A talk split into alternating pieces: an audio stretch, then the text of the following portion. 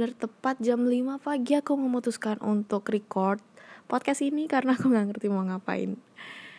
Um, langsung aja kali ya sesuai judul ya. Adventure Part 1 yang berarti akan ada part-part selanjutnya tuh. Asik.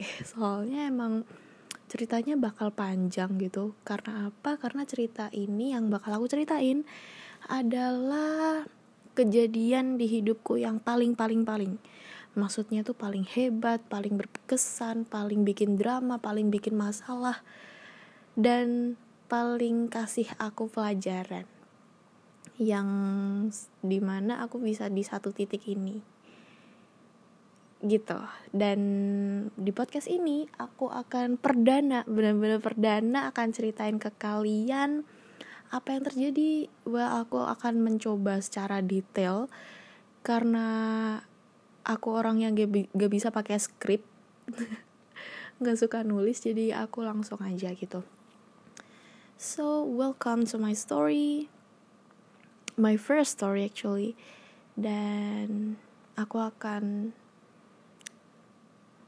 apa ya menceritakan secara detail dan lengkap Oke, jadi semua ini bermula sekitar well 2 atau 3 tahun lalu. Berarti hampir 4 tahun lalu ya. Pokoknya sekitar aku dua, kelas 2 SMA umur 16 tahun. Nah, uh, di saat itu semuanya baik-baik saja. Semuanya nggak ada masalah. Uh, gak ada drama, gak ada apa pun.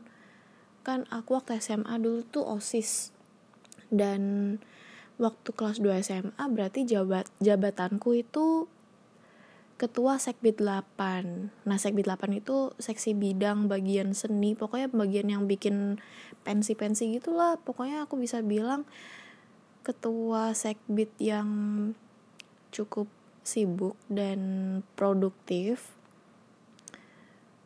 Dan karena aku anaknya tuh pokoknya suka organisasi suka sibuk-sibukan anaknya ekstrovert, suka main, suka rapat, suka berbincang dengan banyak orang. Dan gitu, apalagi kayak masa-masa SMA, kayak masa-masa yang nongkrong gak sih? Nah, aku tuh dulu punya banyak gerombolan teman-teman nongkrong yang beda-beda gitu. Nah, uh, waktu aku kelas 2 SMA itu aku dapat satu pengalaman yang bisa dibilang sangat traumatis, bisa dibilang sangat hebat, tapi dalam konteks negatif ya. Aku nggak bisa ngomong apa kejadiannya itu, tapi aku bisa bilang kalau kejadian ini bikin namaku benar-benar jelek, bikin semua orang tiba-tiba berpaling 180 derajat dari aku semua jadi menghujat aku dan cangkupannya itu sekota sesolo. Kota tempat aku tinggal. Jadi bayangin dalam satu kota semua ya nggak semua sih nggak sedramatis itu ya tapi se teman-teman sepantaran aku anak SMA sampai lintas sekolah juga itu tahu kalau aku pokoknya jelek lah namanya dan gak cuman itu pastilah bullying ada. Um, dicaci maki juga pasti. Di sampai ada orang yang teror banyak gitu. Dan banyak juga yang deket cuman buat ada ada maunya. Kayak gitu tuh banyak banget. Nah, pada saat itu kalau ditanya disuruh ingat-ingat lagi. Setelah kejadian itu terus kayak tiba-tiba langsung booming kayak sekejap mata langsung booming pasti sangat berat. Bener-bener berat. Mungkin berapa bulan ya aku kurang paham.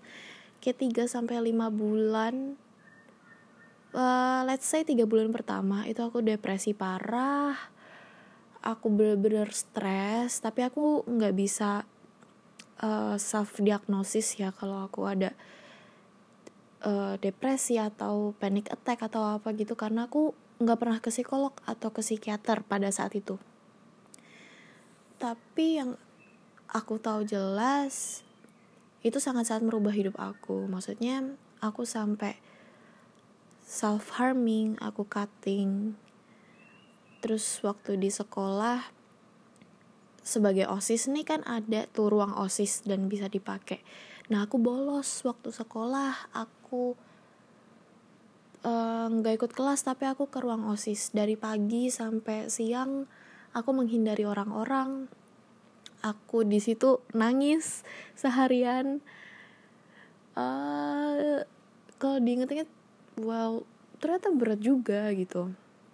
Dan tiga bulan pertama tuh sangat stressful buat aku dan sangat berat. Nggak bisa menerima. And then lima bulan setelahnya atau aku agak lupa sih. Itu masa-masa yang menegangkan karena memang pokoknya kasus yang melibatkan persidangan, kasus yang melibatkan uh, polisi itu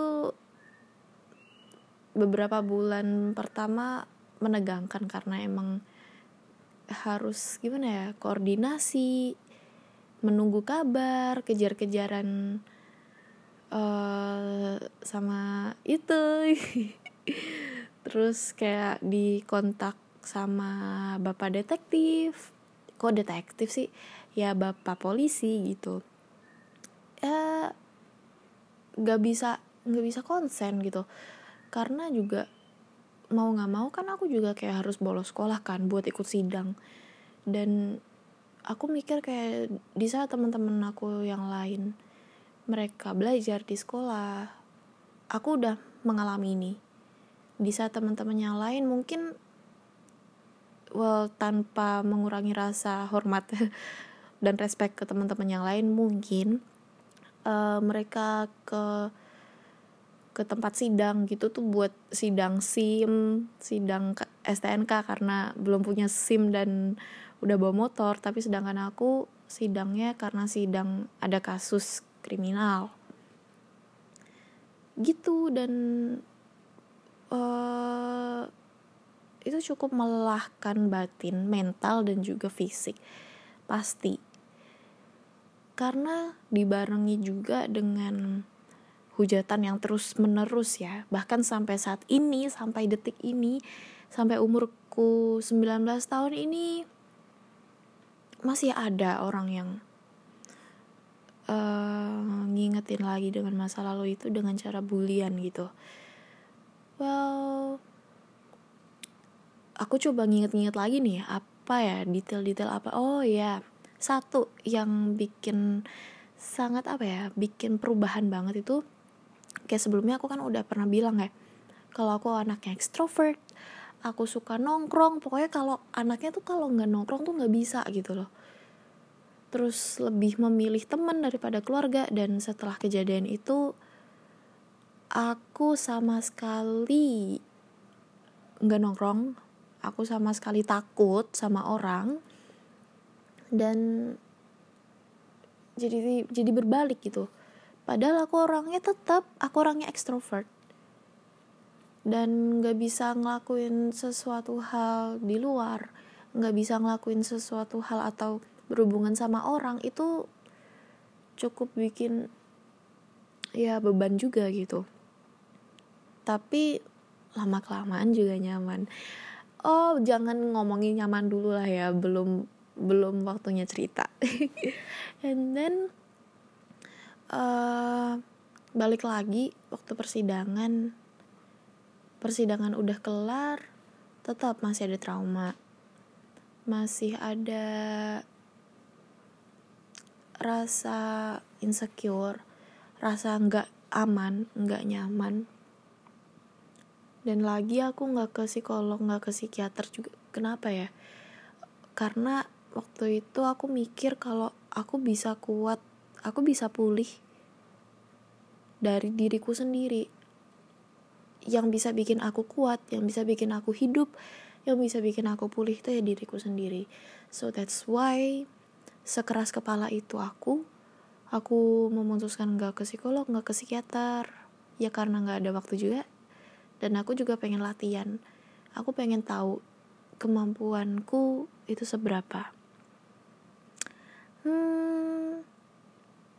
mungkin itu dulu kali ya buat yang part 1 biar biar apa ya? Biar penasaran aja kalian. Oke okay, so aku akan upload part-part selanjutnya. Gak janji nih cuman sampai part 2 tapi well karena ceritanya akan sangat sangat panjang. So see you again mate bye